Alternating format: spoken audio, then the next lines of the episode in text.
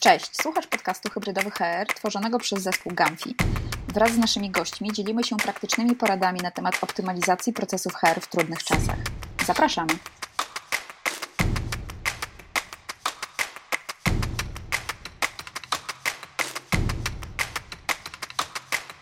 Cześć, z tej strony Jacek Krajewski z zespołu Gamfi. Witam Was serdecznie w kolejnym odcinku E, odcinku specjalnym naszego podcastu hybrydowy e, HR. A dlaczego specjalnym? E, za chwilę Wam wyjaśnię. Jest ze mną też wyjątkowy gość, czyli mm, Adrian Witkowski z Gamfi. Cześć Adrian. Cześć Jacku. Witam Cię serdecznie. Cieszę się, że mamy okazję dzisiaj porozmawiać. Porozmawiamy sobie dzisiaj o onboardingu, procesie adaptacji pracownika, ze względu na fakt, że mm, zarówno Wcześniejsi rozmówcy naszego e, podcastu często podkreślali ten e, wątek, szczególnie w realiach e, pracy zdalnej, hybrydowej, w której się znajdujemy. Mm, ale ty też, mm, Adrian, jesteś taką osobą, która pracując bezpośrednio z zarządami firm oraz szefami HR, obserwuje zmianę właśnie w tych procesach i wyzwania z tym związane. Natomiast zanim przejdziemy sobie do takich szczegółów, zgodnie z naszą tradycją, ja poproszę Ciebie o przedstawienie się e, krótko, czym się e, zajmujesz, e, właśnie, żeby przybliżyć Twoją sylwetkę naszym słuchaczom. Okej. Okay. Jeszcze raz dziękuję Ci bardzo za zaproszenie. To mój pierwszy podcast i strasznie się stresuję. Zajmuję się grywalizacją od przeszło 10, można powiedzieć 11 lat. Prowadzę firmę Camfi, która przez bardzo długi czas E, od, od, od, bardzo długiego czasu specjalizuje się właśnie w wyko wykorzystaniu grywalizacji do celów biznesowych. Od kilku lat bardzo intensywnie pracujemy z zespołami, z firmami, które mają różnego rodzaju wyzwania związane z angażowaniem i motywowaniem, swoich pracowników. E, I to jest coś, na czym, e, na czym się koncentrujemy. Do tego wykorzystujemy technologię naszą autorską, którą zbudowaliśmy, i w tym celu E, kształtujemy kompetencje naszego zespołu po to, żeby pomagać właśnie tym firmom i tym zespołom wdrażać takie rozwiązania jak nasze. Mhm. Wspomniałeś właśnie o tym, że wspieramy organizację właśnie w zwiększaniu efektywności, zaangażowania, natomiast też w tym momencie Gamfi przechodzi dużą zmianę. Czy mógłbyś właśnie o tej zmianie powiedzieć właśnie w kontekście onboardingu, o którym dzisiaj rozmawiamy. Wiele lat y, komunikowaliśmy do rynku, że jesteśmy platformą grywalizacyjną. To znaczy, mamy oprogramowanie, które pozwala y, zoptymalizować wiele procesów biznesowych właśnie z wykorzystaniem grywalizacji. Y, zmiana, która, przez którą teraz przechodzimy, to jest głównie koncentracja. E, stwierdziliśmy, że w ciągu ostatnich lat najwięcej wdrożeń robiliśmy w obszarach właśnie adaptacji nowych pracowników, czyli onboardingu, oraz w obszarze motywacji e, pracowników, najczęściej zespołów sprzedażowych lub zespołów obsługi klienta, do osiągania lepszych e, rezultatów i lepszych wyników. W związku z tym postanowiliśmy zmienić się i w tej chwili Gamfi oferuje dwa konkretne produkty. Jeden właśnie służący do onboardingu nowych pracowników, a drugi do motywowania zespołów sprzedaży i obsługi klienta. Oba te produkty są zbudowane w oparciu o zaawansowane metody grywalizacji. Dzięki temu są kilkadziesiąt procent skuteczniejsze niż produkty konkurencyjne. Mhm. A właśnie mm, dlaczego, mm, Adrianie, ta koncentracja na mm, onboardingu. W sumie to chciałbym Ci zadać e, dwa pytania, bo e, drugie brzmi, jak e, Ty widzisz właśnie z Twojej perspektywy pracy z pracodawcami przez ten ostatni rok, prawie półtora roku, mm, ta obecna sytuacja, właśnie te nowe sposoby pracy, praca zdalna, hybrydowa, wpłynęła na ten proces wdrożenia, adaptacji pracownika? Onboarding jest dość specyficznym procesem, bo ma, ma, ma krótki. Pracownik przechodzący przez ten proces ma krótki czas życia. Taki klasyczny onboarding potrafi trwać od kilku tygodni do nawet kilku miesięcy, powiedzmy 3 do 6 miesięcy. I to jest ten czas, który poświęcamy na to, żeby wdrożyć pracownika e, w jego codzienne obowiązki, żeby zdobył wymaganą wiedzę do tego, aby performował. I e, w, tych, w, tych, tym krótkim timeboxie, który mamy, grywalizacja daje w zasadzie to co, to, co ma najlepsze. Czyli nie ma, nie ma czasu na to, żeby się znudziła, to po pierwsze. To jest, e, to jest z kolei dość duże wyzwanie e, w tym drugim naszym produkcie, który jest skierowany do pracowników, którzy są już zatrudnieni, wdrożeni i muszą być e, stymulowani do tego, żeby osiągać jak gdyby rezultaty, które są im przez pracodawcę powierzone. W przeciwieństwie do tego właśnie drugiego produktu, ten pierwszy produkt, czyli onboarding, ma, ma tą zaletę, że, że jest tak krótki czas, że ta, ta grywalizacja nie musi być poddawana częstym zmianom e, po to, żeby tego użytkownika zaangażować. Ona po prostu w tym, w tym okresie doskonale się sprawdza i to jest jedna rzecz. E, druga rzecz jest taka, że mm, co chwilę mamy świeżą krew, która dopływa bo onboarding to jest proces, który dzieje się w zasadzie każdego miesiąca.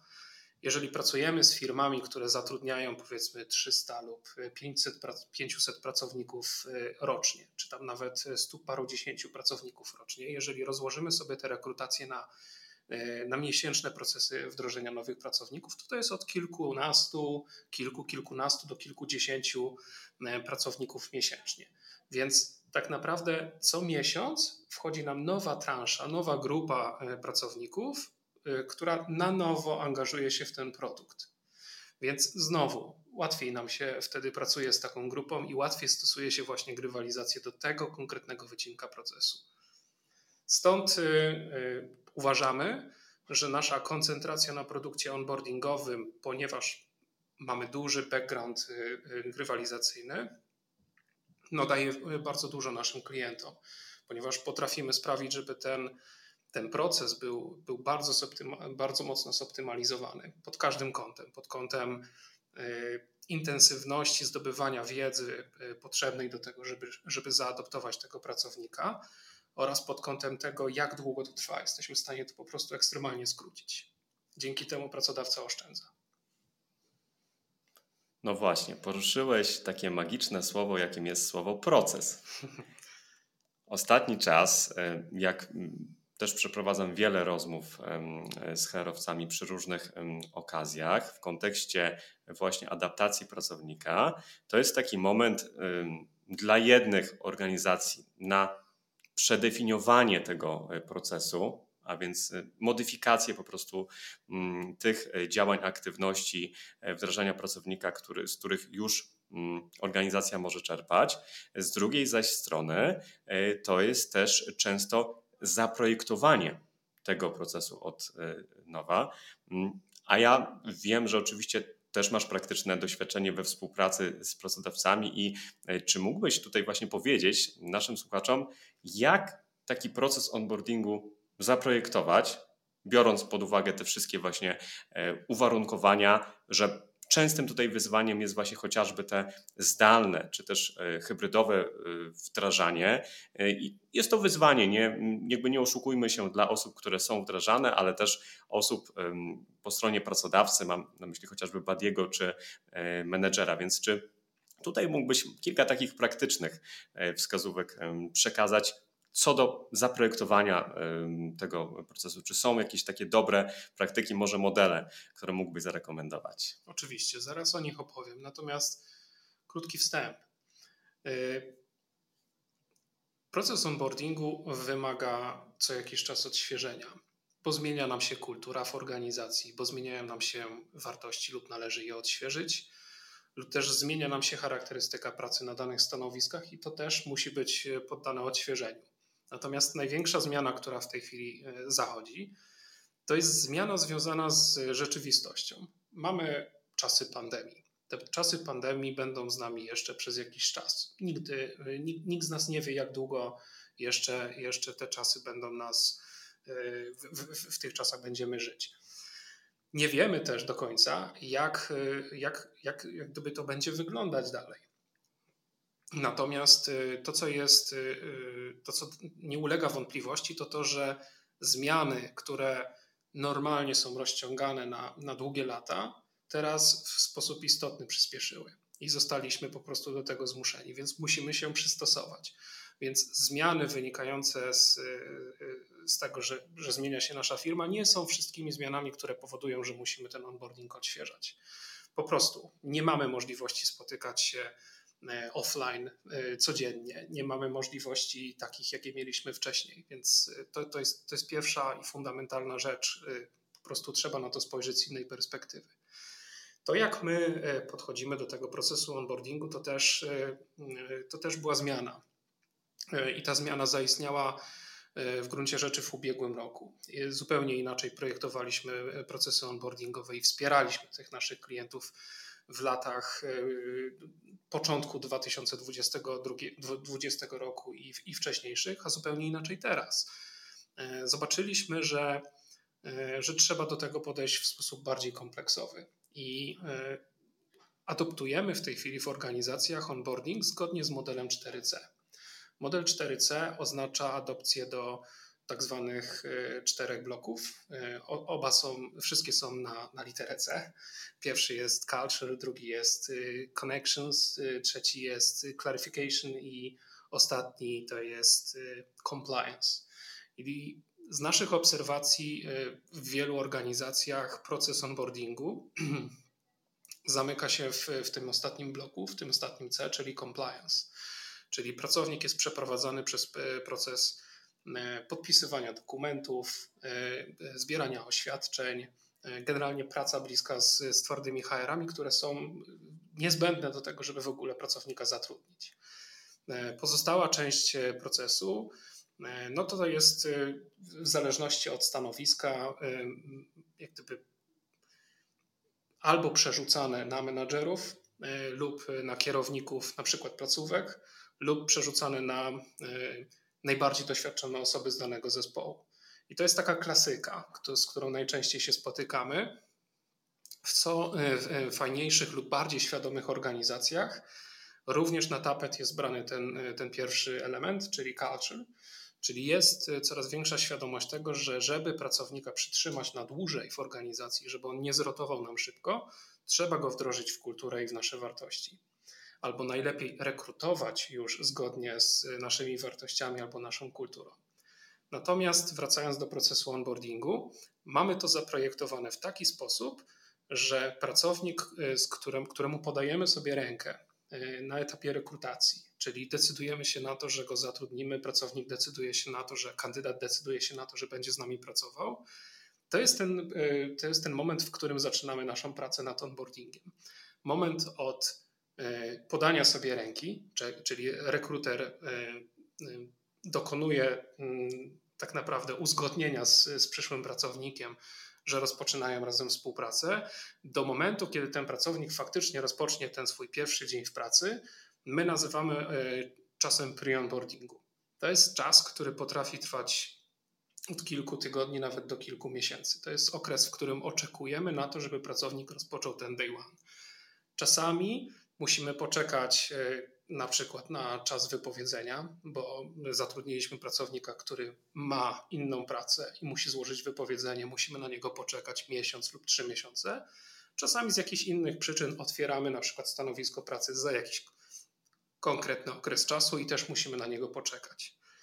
I w tym momencie to jest, e, to, to jest bardzo dobry moment na to, żeby preboardować pracownika właśnie w wartości i kulturę, czyli e, nauczyć go, wdrożyć go w dużo fajniejszy sposób niż e, dając mu dostęp do klasycznej platformy e-learningowej. I tu się doskonale sprawdza właśnie grywalizacja. Kolejny element, czyli nasze trze trzecie C, to jest clarification, które też świetnie się sprawdza w tym okresie pre-onboardingu, dlatego że clarification polega na tym, żeby przygotować pracownika y, i uświadomić mu, na czym będzie polegać praca, którą on będzie wykonywać na tym konkretnym stanowisku pracy. Bardzo często jest tak, że w okresie rekrutacji y, nie mamy wystarczająco czasu z perspektywy rekrutera do tego, żeby wytłumaczyć pracownikowi, na czym będzie polegać jego praca, tak w szczegółach, po prostu. Mamy jakiś ograniczony timebox, powiedzmy pół godziny czy półtorej godziny czasu tej, tej, tego procesu rekrutacji. To jest za mało. Taki pracownik nie ma wystarczającej wiedzy, więc w okresie oczekiwania na ten day one no jest podatny na, na różne inne e, sygnały z zewnątrz, które do niego dochodzą. Albo to są sygnały, hej, chodź do nas, mamy lepszą ofertę. Czyli konkurencja próbuje podebrać nam tego pracownika, z którym już się dogadaliśmy, daje mu po prostu wyższe wynagrodzenie. Lub na przykład obecny pracodawca próbuje powalczyć o tego pracownika i nie dopuścić do tego, żeby ten pracownik złożył to wypowiedzenie i, i dołączył do tej nowej organizacji. Więc dzieją się po prostu pewne rzeczy, na które my możemy mieć wpływ. I możemy mieć wpływ właśnie bardzo dobrze tłumacząc na tym okresie pre-onboardingu temu pracownikowi zasady pracy, w jakim, w jakim środowisku będzie pracował, z kim będzie pracował, jakie są metody e, awansów, e, ścieżka tego awansu, jak będzie e, rozwijać się moja charakterystyka wynagrodzenia, bonusów i tak dalej.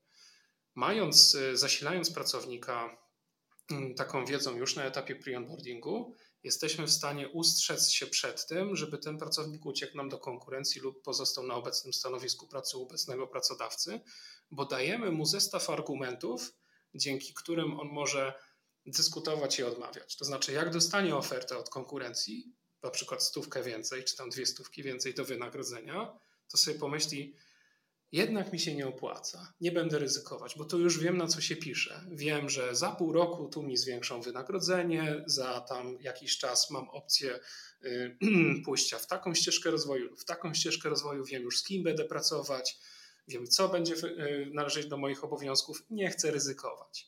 Więc opłaca się nam, żeby nie ponieść straty na, tym, y, na tych kosztach rekrutacji, opłaca się nam wdrażać tego pracownika już na tym etapie pre-onboardingu i druga rzecz, która jest ważna, to jest zniwelowanie tak zwanego dysonansu poznawczego. To jest kolejna rzecz, która ma wpływ na tą słynną już rotację, która najczęściej nas dotyka w tych pierwszych trzech miesiącach lub sześciu miesiącach od zatrudnienia. Polega to na tym, że pracownik, który nie ma pełnej świadomości na temat tego, jak będzie wyglądać jego stanowisko pracy, jego zakres obowiązków, może poczuć się rozczarowany, jak przyjdzie i rozpocznie swoją, swoją pracę. Możemy, możemy mówić o na przykład takim, takich przykładach jak, jak, jak retail, czyli przychodzi pracownik do pracy, y, jest świadomy tego, że będzie doradcą klienta w sklepie na przykład, ale okazuje się, że do jego obowiązków będzie również należeć zatowarowanie. Przychodzi co jakiś czas dostawa na sklep, trzeba rozładować y, paczki lub na przykład paletę, ułożyć produkty na półkach sklepowych i tak dalej. Taki pracownik, na przykład, który nie jest świadomy, że to będzie należeć do jego obowiązków, może być to dla niego argumentem, żeby, e, żeby po prostu zrezygnować z tej pracy. I to jest, y, to jest taki przykład, ale jak gdyby to jest codzienność. Bardzo często po prostu takie coś się zdarza u klientów, którzy, którzy do nas y, przychodzą. I żeby tego problemu uniknąć, bo to jest bardzo, bardzo, bardzo poważny problem, problem, który niesie ze sobą dość duże konsekwencje finansowe. Więc żeby uniknąć tego problemu, trzeba tego pracownika wcześniej uświadomić, jak będzie wyglądać ten jego dzień pracy, co będzie należeć do jego obowiązków, bo jeżeli ma nam zrotować, to niech zrobi to online, zanim rozpocznie swój day one i pracę u nas, zanim przejdzie przez wszystkie szkolenia podstawowe, zanim zainwestujemy w wyszkolenie tego pracownika. Paradoksalnie opłaca nam się, żeby ten pracownik zrotował przed tym day one niż po. I to jest właśnie ten, ten trzeci element e, clarification. Mamy jeszcze dwa, czyli compliance, e, mamy jeszcze e, connections, Powiedz Jacku, czy mam dalej kontynuować, bo dość długi monolog tutaj e, teraz uprawiam. Może chciałbyś mi przerwać i jakąś, jakieś pytanie zadać. Bardzo chętnie. Już mi się kłębi w głowie kilka, kilka pytań, pytań, e, Adrianie. Natomiast z Twojej dotychczasowej e, wypowiedzi chciałem się pod nią podpisać jako osoba, która na co dzień ma kontakt z wieloma przedstawicielami działów HR i chyba właśnie ta sytuacja, o której mówisz, E, mówię o procesie pre-onboardingu, gdzie coraz więcej organizacji i słusznie pochyla się nad tym e, procesem, właśnie ze względu na fakt, e, aby zminimalizować z jednej strony no, ryzyko te, tego, powiedziałbym, dysonansu poznawczego przygotować tego e, pracownika, e, ale również e, właśnie w kontekście obniżenia ryzyk sytuacji, w której no jednak ta osoba się rozmyśli. No chyba no, wyobraźmy sobie, ty też jako osoba zarządzająca, zatrudniająca y, ludzi, zresztą no, można, można powiedzieć, że mnie, rekrutowałeś i ja też tak, tak się teraz y, uśmiecham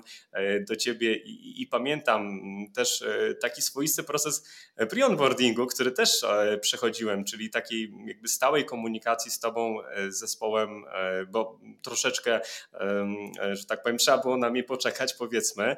Faktycznie jest to szalenie ważna rzecz, bo, bo chyba jednym z największych koszmarów e, rekrutera czy e, po prostu hiring managera, osoby bezpośredniego przełożonego jest sytuacja, w której w ostatniej chwili ta osoba nam e, zrezygnuje, rozmyśli się. Ale powiedziałeś też, Adrianie, o finansach, o kosztach i chciałbym ten temat trosz, troszkę rozwinąć, bo często mówi się o różnych wyliczeniach, wielu wskaźnikach ta analityka e, coraz bardziej wchodzi do zespołów HR i bardzo dobrze.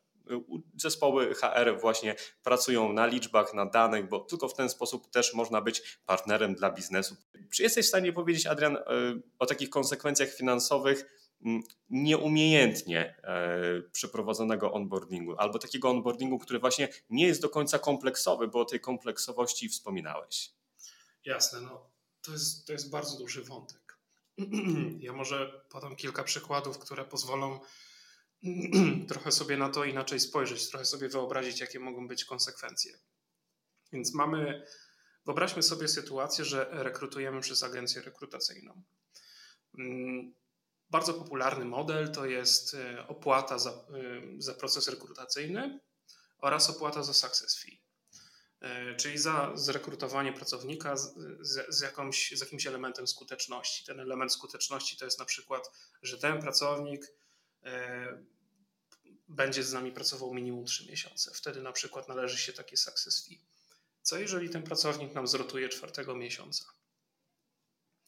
Płacimy success fee, płacimy, ponosimy koszty rekrutacji, i mamy stratę wynikającą z tego, że tracimy po prostu tego pracownika i praca, którą ten pracownik ma wykonywać, y, się nie marżuje. Tak? Nie mamy przychodu w związku z tym. Więc znowu, e, musi nam zależeć na tym, żeby ten pracownik nie rotował nam w tych pierwszych sześciu miesiącach. Musimy o to po prostu zadbać. Dlatego ten proces onboardingu jest po prostu niezwykle ważny. E, I to jest, e, to jest pierwsza rzecz. Druga rzecz to warto sobie uzmysłowić, jaka jest konsekwencja finansowa e, w, mm, w utracie pracownika nisko wykwalifikowanego albo wysoko wykwalifikowanego, bo to są znaczne różnice. Zarówno jeżeli chodzi o pozyskanie, czyli zrekrutowanie takiego pracownika, jak i, jak i późniejsze utrzymanie. I Weźmy sobie na tapet pracownika, który powiedzmy koszt jego zatrudnienia to jest 5000 brutto i weźmy sobie takiego pracownika powiedzmy seniora dewelopera, czyli programistę, który kosztuje pomiędzy 15 a 20 tysięcy koszt y, zatrudnienia takiego pracownika, utrzymania etatu, tak? I teraz jeżeli taki pracownik, który kosztuje 5 tysięcy złotych nam zrotuje po, po trzech miesiącach, no to mamy koszt y, trzykrotności jego wynagrodzenia plus y, koszty wdrożenia, y, adaptacji, zatrudnienia i tak dalej. To jest zupełnie inna bajka, bo, bo do tego, żeby policzyć koszt wdrożenia tego pracownika, mamy Excela z, z tam, z, ze stoma pozycjami, gdzie są wyliczone wszystkie osoby, i ich stawki godzinowe w przeliczeniu na, na, na koszt jak gdyby zaangażowania w proces adaptacji, więc to są po prostu duże pieniądze. Ale skupmy się na tych, na tych trzech miesiącach e, straty. Więc mamy stratę wynikającą e, ze zrotowania tego pracownika na poziomie trzykrotności jego wynagrodzenia, więc w przypadku pracownika, który, który kosztuje nas 5 tysięcy brutto, jest to 15 tysięcy, ale w przypadku pracownika, który kosztuje 15 tysięcy, no to już jest dużo więcej. Mamy 45 tysięcy złotych minimum straty. A strata y, wynikająca z, niedowiezionej pracy czy z niewyprodukowanych y, produktu po prostu niewyprodukowanego przez wysoko wykwalifikowanego pracownika jest dużo bardziej dotkliwa. Wiem po sobie, bo sam zatrudniam programistów, wiem jaka to jest strata na produktywności, kiedy tracimy na przykład senior, senior dewelopera lub jakiegoś innego wykwalifikowanego pracownika. Więc dla mnie osobiście proces onboardingu jest tutaj kluczowy. Jeżeli ja ponoszę koszt y, ogłoszenia na Pracuju czy na OLX-ie pomiędzy 150 a powiedzmy 1,5 tysiąca złotych za zrekrutowanie pracownika, i mam po, po poniesieniu takiego kosztu i przy y, poniesieniu kosztów adaptacji tego pracownika zaryzykować, że stracę kilkadziesiąt tysięcy złotych na takim jednym stanowisku, to z otwartymi rękoma biorę każdy system i każdy, y, y, każdą firmę, która zoptymalizuje mi e, proces onboardingu i spowoduje, że ja tej straty nie będę mieć. Bo ja nie chcę mieć tej straty. Mi zależy na tym, żeby ja po to rekrutuję tych pracowników, żeby ci pracownicy mogli przynieść wartość firmie. Więc y, ta, ta wartość, ona nie będzie wyprodukowana, jeżeli ten pracownik szybko zrotuje. Więc to jest, y, to jest, to jest podstawowy koszt, o którym należy tutaj rozmawiać, tak? czyli koszt utraconych korzyści. Y, zupełnie inną bajką jest to, że jeżeli zoptymalizujemy ten proces onboardingu, a my specjalizujemy się w tym, żeby ten proces onboardingu mocno zoptymalizować, to czas, e, który oszczędzają te wszystkie persony, które są zaangażowane w proces compliance, clarification, e, wdrożenia pracownika, czyli manager, buddy, te wszystkie role, które, które są w procesie onboardingu, jeżeli im oszczędzimy kilkadziesiąt procent czasu versus tradycyjny onboarding, to ten zaoszczędzony czas to nie jest tylko oszczędność, to jest, tylko, to jest również potencjał na zmarżowanie tego czasu e, z oszczędności, bo jeżeli menadżer oszczędza powiedzmy 30% swojego czasu na zoptymalizowanym procesie onboardingu, to on te 30% czasu może wykorzystać na wygenerowanie jakiegoś revenue, tak, jakiegoś przychodu. Więc podwójna oszczędność, bo jeszcze jest zysk. E, I, i, i wątek jak gdyby pieniędzy w tym całym procesie jest, e, jest według mnie e, największym, jednym z największych wyzwań dla nas, bo wydaje nam się, że powinniśmy tutaj bardzo mocno kształtować wiedzę, jak to liczyć, gdzie są te straty, jakie mogą być oszczędności, jaki może być zysk na poprawnie przeprowadzonym procesie onboardingu, bo proces onboardingu versus proces rekrutacji to jest jeszcze ta, ta część procesu rekrutacyjnego, o której, o której dopiero zaczynamy mówić, jeżeli chodzi o pieniądze. Znowu mogę potwierdzić e, to co, to, co powiedziałeś wcześniej. Ja w ogóle mam taką e, nadzieję, e, ponieważ poruszyliśmy ten aspekt pieniędzy, że być może też, co prawda, naszymi słuchaczami są głównie osoby ze świata HR, mm, ale myślę, że, że też ten odcinek śmiało możemy zarekomendować na przykład osobom odpowiedzialnym za finanse w organizacji, które, mm, które właśnie zarządzają tymi budżetami, bo faktycznie znowu potwierdzam, widziałem tego Excela rozbudowanego, o którym e, mówiłeś, e, Adrian. Coraz częściej e, właśnie w tych rozmowach pochylamy się i, i, i wiem, że mm, ty mm, rekomendujesz konkretne właśnie tutaj wyliczenia i kalkulacje. Jeszcze w kontekście tej optymalizacji, bo mm, w procesie onboardingu niewątpliwie właśnie mamy kilka person, kilku powiedziałbym interesariuszy. Oprócz tej osoby, która się wdraża. E, oprócz e, zespołu mm, HR, osoby z HR, mamy przecież oczywiście menedżera bezpośredniego przełożonego. Mamy najczęściej określa się to właśnie funkcją Badiego. W jaki sposób takie, takie rozwiązania, które, które na przykład Gamfi dostarcza, może oszczędzić czas? Bo znowu w tych, e, w tych rozmowach i dyskusjach, e, moich obserwacjach rynkowych powiela się ten wątek pod tytułem, cytuję, mm, że to na HR jest zrzucana ta odpowiedzialność, tak zwany ownership za ten e, proces. I osoby z HR mówią: mm, OK, no dla nas jest to duże wyzwanie, żeby zaangażować tych menedżerów, no bo oni przecież e, nie nadążają już z tą e, robotą. No tutaj jednak trzeba wdrożyć efektywnie nową osobę. Podobnie z funkcją e, Badiego, jak się okazuje. Nie jest to taka, taka funkcja, jak że wszyscy bardzo chętnie się do tego garną, mhm. wbrew, wbrew pozorom. Jednak praktyka pokazuje, z jednej strony to może być wyróżniające, ale z drugiej strony trzeba mm, jednak dużo wysiłków. I w jaki sposób zaangażować e, te pozostałe persony, właśnie buddyich, menedżerów, mm, w jaki sposób w ogóle takie rozwiązania, na przykład jak Gamfi, mogą im ten czas e, po prostu zaoszczędzić w tym procesie? Pomagając i organizując, w skrócie potwierdzam i zgadzam się z tym, że wdrożenie nowego pracownika to jest bardzo duże obciążenie dla menadżera.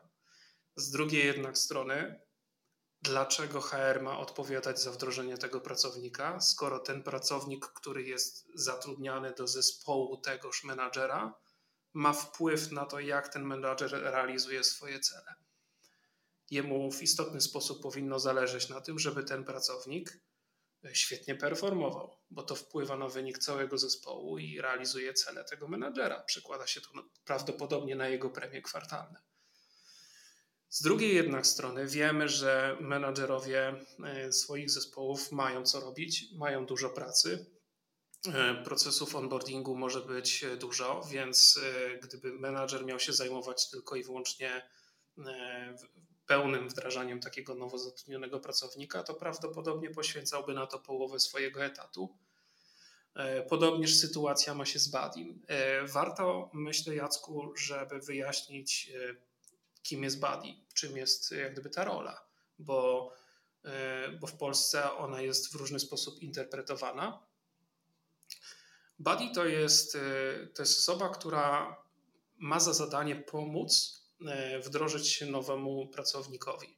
I to jest zazwyczaj osoba, która jest e, albo jedną z najbardziej doświadczonych w danym zespole, czyli ma największą wiedzę, lub też e, ma po prostu najwięcej wolnego czasu, ale też również wiedzę, którą, którą może przekazać. I zazwyczaj jest tak, że buddy jest wyznaczany przez menadżera po to, żeby wykonać, wykonać pracę wdrożeniową. Najczęściej zdarza się oczywiście, że są to również e, prace, które, które normalnie powinny należeć do, do zakresu wdrożenia przez menadżera, ale menadżer po prostu nie ma czasu na to, więc zdarza się, że zrzuca to na tego biednego Badiego. Ale ten nasz biedny buddy to też jest przecież pracownik zespołu, więc on też ma jak gdyby swoje cele, też ma swoją robotę, też ma co robić. E, I jak gdyby troszeczkę nam się to kółko tutaj e, zamyka, więc dlatego ta, ta, ta rola HR-u tutaj nam się ona, ona jest po prostu tutaj istotna. Jak, e, jak my ten proces e, optymalizujemy? I jakby to jest dobry moment, żeby powiedzieć, że, że produkt, który dostarczamy, jest people-oriented, jest zorientowany na człowieka, a nie na proces. I, i właśnie ten, ten, te C, które odpowiada za connections, to, to świetnie potwierdza dlatego że my staramy się, pracujemy w tej chwili, jesteśmy już e, bliscy ukończenia takiej, e, blisko ukończenia takiej technologii, która będzie właśnie odpowiadać za wsparcie i odciążenie Badiego i menadżera w tym newralgicznym momencie wdrożenia pracownika e, przez te konkretne persony. Pracujemy nad technologią, która będzie takim asystentem, który będzie właśnie dbał o to, aby taki, taki plan wdrożenia został poprawnie wyegzekwowany z jak najmniejszym nakładem sił i czasu ze strony tych person. Czyli w skrócie y, każdy nowo zatrudniony pracownik oraz y, buddy oraz y, menadżer dostanie takiego wirtualnego opiekuna, który będzie biegał w cudzysłowie za tymi personami, umawiał im te spotkania, wbijał im je do kalendarza, przypominał o e, wszystkich kolejnych krokach i, e, i motywował do tego, żeby zrobili to w, w odpowiednim czasie, bo e, proces onboardingu potrafi się znacznie przeciągać właśnie przez to, że po prostu ludzie nie mają czasu albo zapomnieli wbić sobie do kalendarza jakiegoś eventu wdrożeniowego dla, dla nowo zatrudnionego pracownika. Taka logistyka jeszcze w dzisiejszych czasach, gdzie musimy gdzie, gdzie spotykamy się online i tak dalej, ona jest podwójnie istotna. Więc technologia, tutaj jest odpowiedzią, jak gdyby jest technologia, ona świetnie się sprawdza do tego, żeby właśnie wesprzeć i zoptymalizować ten proces. I pomimo tego, że optymalizujemy proces, to koncentrujemy się na tych personach, czyli na człowieku. Jakby chcemy zadbać o to, żeby, żeby ci ludzie mieli e, wolną głowę i więcej czasu na wykonywanie swojej pracy i jednocześnie, żeby ten nowo zatrudniony pracownik miał komfort e, i mniej stresu związanego z przejściem przez ten proces adaptacji. Dokładnie, czyli no właśnie ta, ta logistyka, sam fakt y, próby umówienia się na spotkanie, może w zależności od organizacji i skali, e, zajmować od mm, kilkunastu do kilkudziesięciu, a może nawet jeszcze więcej godzin. Sama i wyłącznie ta e, logistyka, o której Adrianie mówisz, więc, więc faktycznie tutaj mm, ta technologia może przyjść e, z odsieczą, z. Ja nie ukrywam, też jestem osobiście pod, pod, podekscytowany jako no, fan też nowoczesnych rozwiązań, które usprawniają pracę zespołów HR. Chciałbym też krótko, Adrianie, podsumować e, naszą rozmowę i też zapytać, czy chciałbyś, e, chciałbyś coś jeszcze do tego e, dodać, bo mm, ja zostaję tutaj z takimi mm, zasadniczymi wnioskami, mianowicie pierwszy jest taki, że onboarding de facto rozpoczyna się znacznie wcześniej, już w momencie, kiedy powiedzieliśmy sobie tak, uściśniliśmy sobie wirtualnie bądź też realnie dłoń, że chcemy współpracować, warto już nad e, tym prawie naszym pracownikiem się e, pochylić, aby uniknąć tych wszelkich e, ryzyk, o których wspomniałeś. Po drugie, jeśli mówimy o procesie wdrożenia, jesteśmy w stanie to policzyć. Po prostu pracować na konkretnych liczbach, wartościach, operować faktami, co jak wiemy, jest e, fundamentalną sprawą. Jeśli, jeśli faktycznie chcemy rozwijać nasz e, biznes i jeżeli jesteśmy w stanie coś policzyć, to jesteśmy w stanie wyciągnąć wnioski, jak to możemy zrobić lepiej. I po trzecie, taka moja obserwacja to jest właśnie technologia, rozwijająca się technologia, której jeśli e, zaufamy, jest w stanie realnie odciążyć kluczowe persony w tym e, procesie, co często jest podnoszone przez zespoły e, HR i znacznie nawet o kilkadziesiąt procent te oszczędności czasowe, a co za tym idzie finansowe ponieść. Czy chciałbyś coś jeszcze, Adrianie, do tego mm, dodać? Tak, jest taka jedna rzecz. Cały czas rozmawiamy tutaj o procesie i o pieniądzach, ale nie mówimy o experience, które y, które jest po prostu fenomenalne, jeżeli, jeżeli zaprojektujemy ten proces z wykorzystaniem grywalizacji. E, klienci, którzy z nami pracują, wiedzą, jak, e, jakie, to, jakie to przynosi efekty i jak, jakim to jest wyróżnikiem na rynku, e, kiedy, kiedy taki, taki nowo zatrudniony pracownik ma przyjemność zamiast stresu przechodzić przez właśnie tak skonstruowany proces, proces onboardingu to jest prawdziwe doświadczenie takiego kandydata i nowo zatrudnionego pracownika. I jak gdyby jestem, dum, jestem dumny z tego, że w taki sposób do tego podchodzimy. I tutaj stawiamy kropkę e, nad i, chociaż kropkę z taką gwiazdką, ja bym powiedział, bo właśnie to, e, do czego chciałbym mm, Was bardzo mocno e, zachęcić. My poruszyliśmy oczywiście kilka, kilka wątków, ale absolutnie nie wyczerpaliśmy tego tematu. Natomiast korzystając z okazji, serdecznie mm, zapraszam, mogę powiedzieć, zapraszamy Was z Adrianem do naszego projektu, inicjatywy edukacyjnej, a mianowicie Akademii Onboardingu. E, jest to możemy to też powiedzieć e, z czystym sumieniem, pierwsza tego typu mm, inicjatywa, która kompleksowo wyposaży Was w wiedzę, w dobre praktyki dotyczące właśnie skutecznej adaptacji wdrożenia pracowników. E, składa się na nią zarówno mm, e-book e, z wypowiedziami różnych ekspertów, gdzie właśnie poruszamy te zagadnienia, o których rozmawialiśmy tutaj z Adrianem. Szczegółowo również rozwijamy model 4C, w którym pracujemy mm, właśnie z naszymi klientami, ale to również są trzy webinaria z fantastycznymi ekspertami, e, bo e, wśród nich e, z pewnością kojarzycie są takie persony jak Maja Gojtowska. Są też oczywiście mm, nasi klienci, mam na myśli tutaj Inpost i Iwonę Michalczek, a także mm, T-Mobile i Andrzeja Adamca, którzy podzielą się właśnie z Wami dobrymi praktykami związanymi właśnie z optymalizacją procesów onboardingowych, z wywołaniem tego właśnie efektu wow wśród naszych pracowników, mm, także właśnie z automatyzacją, w jaki sposób to może te procesy usprawniać. Także zachęcam Was, zachęcamy Was serdecznie do wzięcia udziału. Uczestnictwo w tych webinariach również to jest taka wisienka na torcie. Mm, oprócz praktycznej, naprawdę mm, solidnej e, wiedzy możecie otrzymać taki certyfikat, którym w zależności od preferencji możecie się pochwalić, e, czy w mediach społecznościowych, czy może e, tutaj oprawić w ramki, co kto lubi, więc Gamfi.com łamane przez właśnie Akademia Onboardingu. Serdecznie Was zachęcamy do wzięcia udziału. Widzimy już po dotychczasowym e, odzewie bardzo e, duże zainteresowanie, mm, bardzo pochlebne recenzje, że to jest coś, mm, na co rynek czekał. I ja myślę, niech to będzie takie mm, fajne podsumowanie naszej dzisiejszej rozmowy, takie lekko otwarte drzwi, zaproszenie dla Was do pogłębienia tego tematu. A ja mam nadzieję, że również w dzisiejszej e, rozmowie e, tutaj daliśmy Wam e, wartość. Także z mojej strony bardzo Adrianie Ci dziękuję za poświęcony czas, za podzielenie się właśnie tymi dobrymi praktykami.